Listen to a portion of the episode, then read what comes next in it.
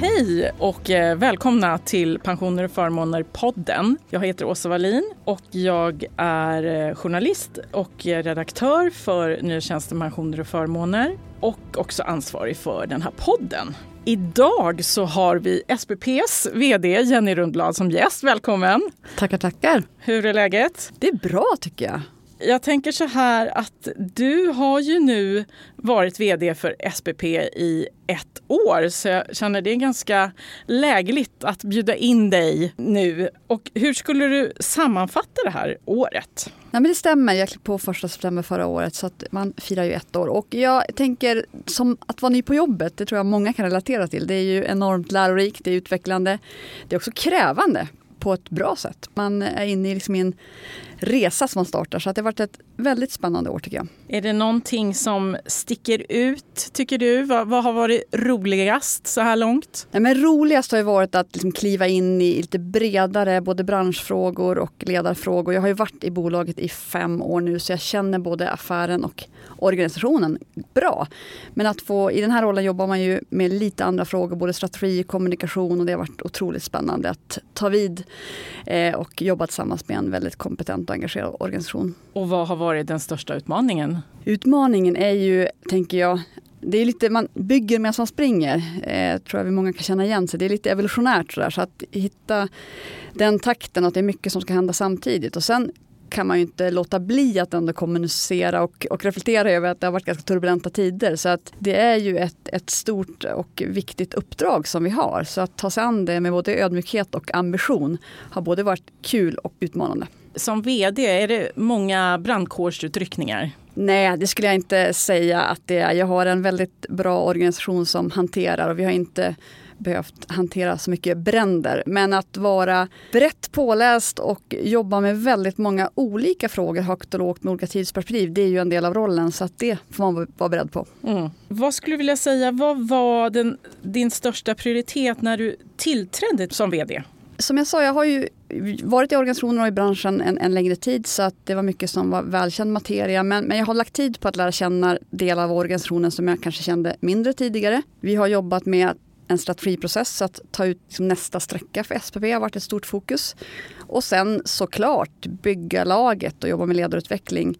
Och i tillägg till det sitter jag i koncernledningen för Storebrand så att det också varit en del tid att träffa den delen av organisationen och vara i Norge en del. Så att det har varit lite blandad kompott. Vill du säga någonting om, om strategin? Strategin bygger på ett väldigt stabilt fundament där jag menar att SPP har en god start i en digitaliseringsresa som vi gjorde, har gjort under flera års tid. Vi har bytt kärnsystem och skapar liksom en skalerbar potentiell växt. Vi har eh, jobbat med företaget och dess anställda under lång tid och, och skapat väldigt god tillväxt i tillägg liksom en, en, väldigt kompetent organisation. Så att utifrån de styrkorna så kommer vi att ta kliv vidare i marknaden och har högre ambitioner. Så vi brukar prata om ett breddat SPP där vi ska addera ytterligare värden till våra kunder framåt. För inte så länge sedan så kom ju den senaste kvartalsstatistiken från Svensk Försäkring som vi gör varje kvartal. Den visar ju då att SPP var det bolag som ökade sin marknadsandel mest mätt i nyteckning på fondförsäkringsmarknaden under första halvåret i år jämfört med då samma period året innan. Och ni har ju också ökat eh, när det gäller marknadsvolym kopplat till premievolym på fondförsäkringsmarknaden. Det var, det var också ni då som ökade mest där. Mm. Vad beror det här på?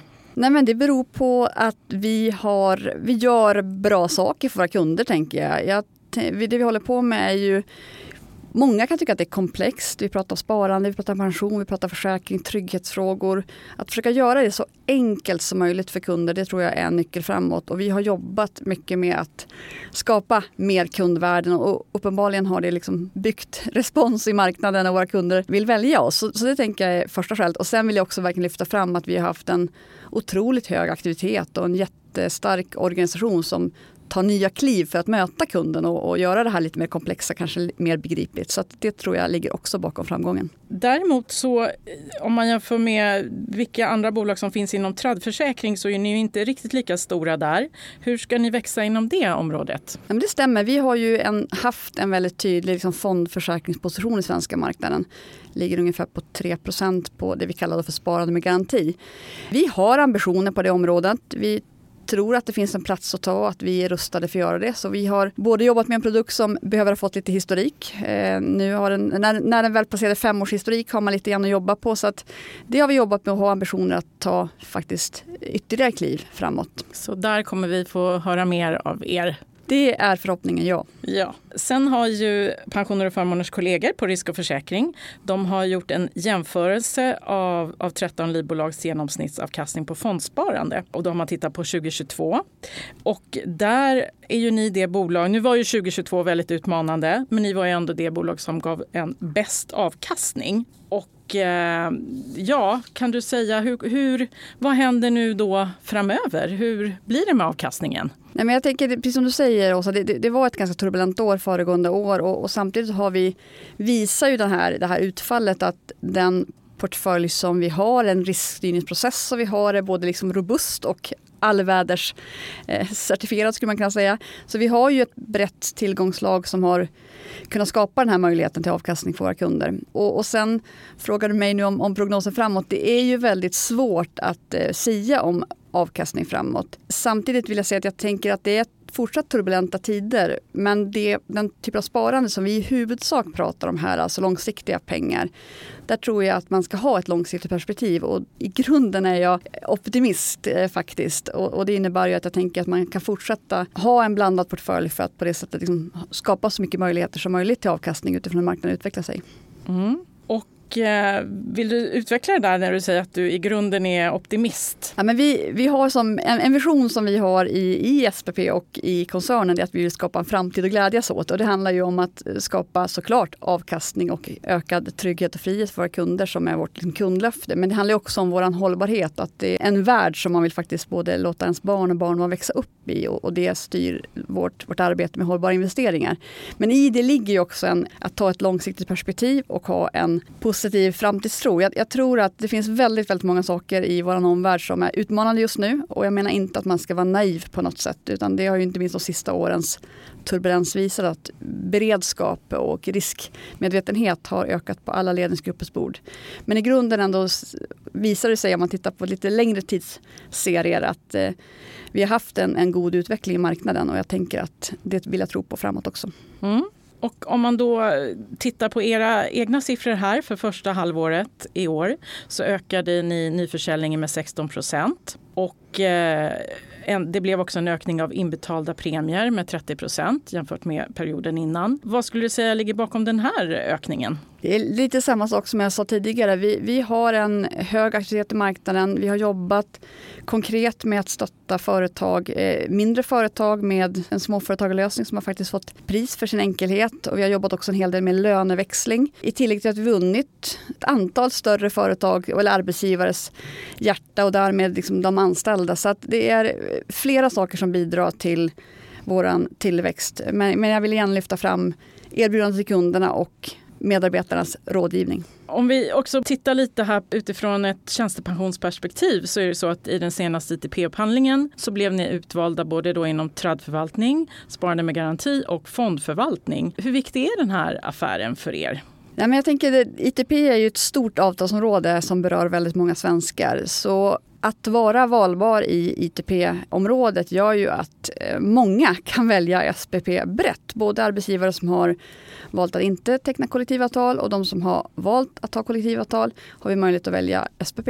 Och precis som du säger, vi har ju varit fond, eh, fondalternativ under en, en tid och nu blev vi också från och med hösten valbara på, på TRAD.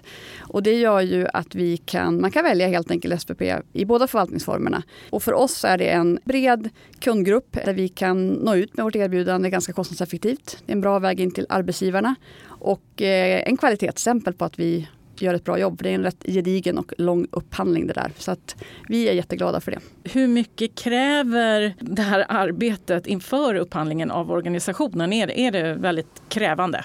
Det är en gedigen process som pågår under lång tid med, med eh, många frågor och eh, en, en, en, en seriös eh, liksom ambition att försöka verkligen förstå produkterna. Så att min bild är att det, den, den pågick under många månader och vi har lagt ner rätt resurser under den tiden för att verkligen skapa en bild av vad vi kan leverera. Så att det tar tid men vi är också glada för att få fått då erkännandet i efterkant som belöning av den tiden. Mm. Och sen vet jag att ni har ju under väldigt lång tid profilerat er inom hållbarhet, både ni och Storebrand. Och det känns ju som att nu är det allt fler bolag som också vill profilera sig inom hållbarhet och lyfta fram vad man gör. Samtidigt så ska ju Finansinspektionen till exempel granska fondbolag och risken för greenwashing. Hur tänker ni när det gäller framåt här? Hur ska ni göra för att fortsätta sticka ut inom det här området? Nej, men det är ju jätteglädjande att fler bolag har börjat jobba med den här frågan som vi har jobbat med under lång tid. Det är igen en, en fördel för att skapa en framtid att glädjas åt.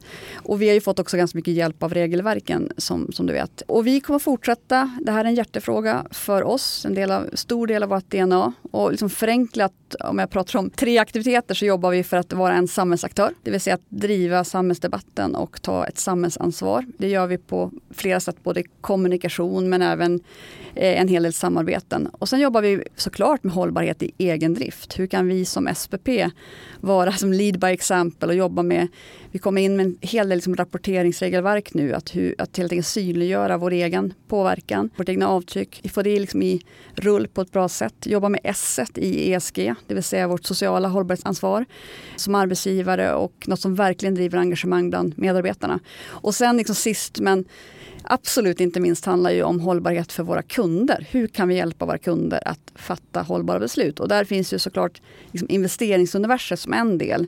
Men någonting vi också jobbat med en hel del sista åren handlar om att synliggöra hållbarhet. Hur kan man visa hållbarhet, hållbarhetsavtryck genom data och så vidare för att hjälpa arbetsgivaren att synliggöra sitt sparande för sina medarbetare och därmed kunna liksom bygga både employer branding och skapa engagemang. Och det tänker jag, det, det, kan ju också vara en utmaning att omsätta det här till något väldigt konkret. Vill du säga någonting där hur ni jobbar där? Ja, men igen, där tror jag att, att regelverken man kan ju liksom tycka att det försvårar för det tar ju väldigt mycket tid och kommer att ta mycket resurser. Men det är ju ett sätt som i grunden är bra för att öka jämförbarhet, transparens och så vidare. Och jag upplever verkligen att svenska arbetsgivare och företag vill vara en del av omställningen. Men i vårt fall så handlar det om att försöka hjälpa dem att faktiskt fatta de här besluten och hjälpa dem synliggöra det. Så jag tror mycket på information och data. Om vi tänker lite, fortsätter tänka lite framåt och när det gäller då eh, att fortsätta, era ambitioner att fortsätta växa, ta marknadsandelar. Vill du säga någonting där? Hur, hur stora ska ni bli när det gäller marknadsandelar? Vi har ambitioner om tillväxt. Eh, jag kommer inte säga några marknadsandelar, men vi har ju växt. De åren som har gått har vi växt mer än vad marknaden har växt. Det innebär att vi tar från våra konkurrenter. Och vi har en ambition om att fortsätta tillväxten på både det området som är vår hemmamarknad, om jag säger så, men också lite nya närliggande områden. Så att jag tror att vi har stor möjlighet att eh, ta ytterligare steg på marknaden och det kommer vi göra. Mm, spännande. Om vi bara ser, tar ett steg bakåt och eh, ser brett på pensioner och försäkringsbranschen. Vad ser du för eh, stora viktiga trender där just nu? Det är många, jag tänker man ska försöka vara lite, lite kondenserad. Jag, jag väljer tre grejer här också då, Åsa. Jag tänker, vi kan ju inte låta bli att prata om, om digitalisering, data och AI när vi pratar om, om trender.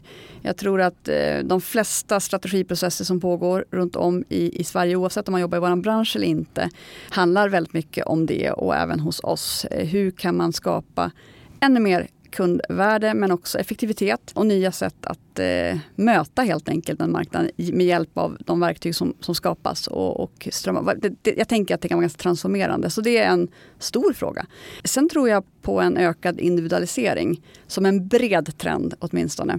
Vi ser ju att liksom, socialförsäkringen kommer inte kunna bära de framtida behoven av trygghet och, eh, och frihet. Både på grund av demografi, vi blir äldre, förväntningarna ökar. Så jag tror att trygghetsfrågor för individ, närstående, familj kommer att vara viktiga och viktigare till och med framåt. Det har pågått under, under längre tid.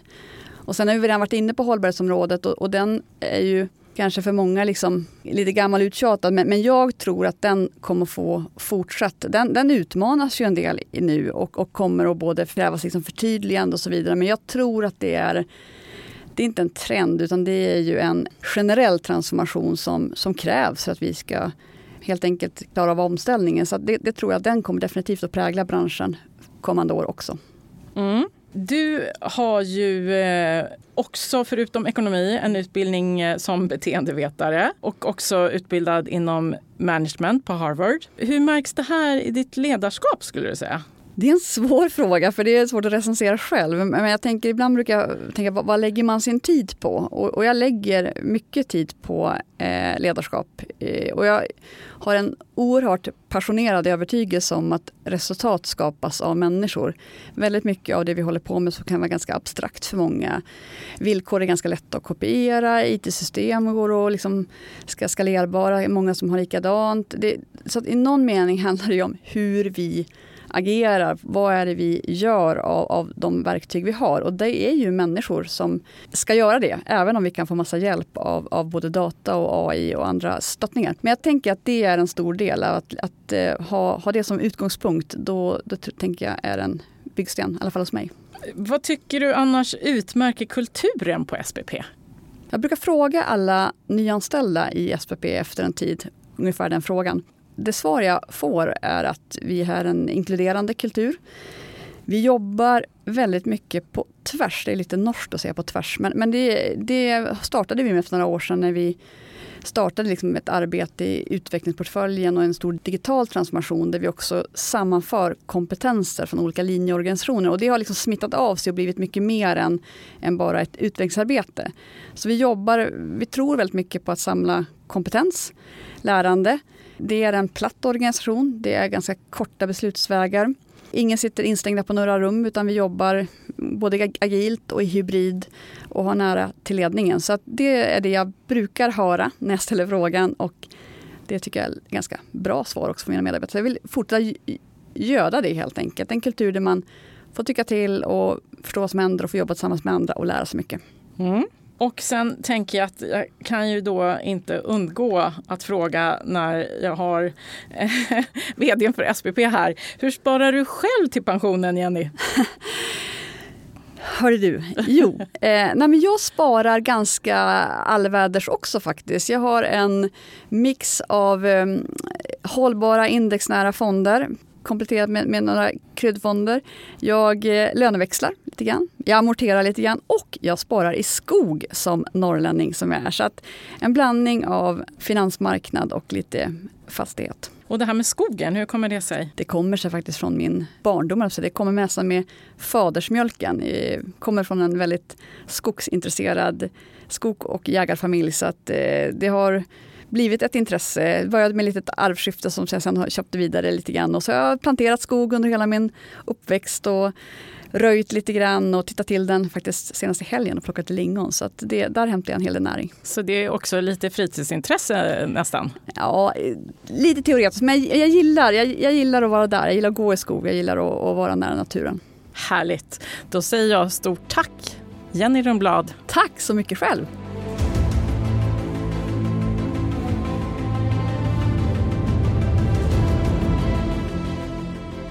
Ansvarig utgivare är Peter Fällman, producent i Julia Siverts och den ges ut av Dagens Industri och Bonnier News.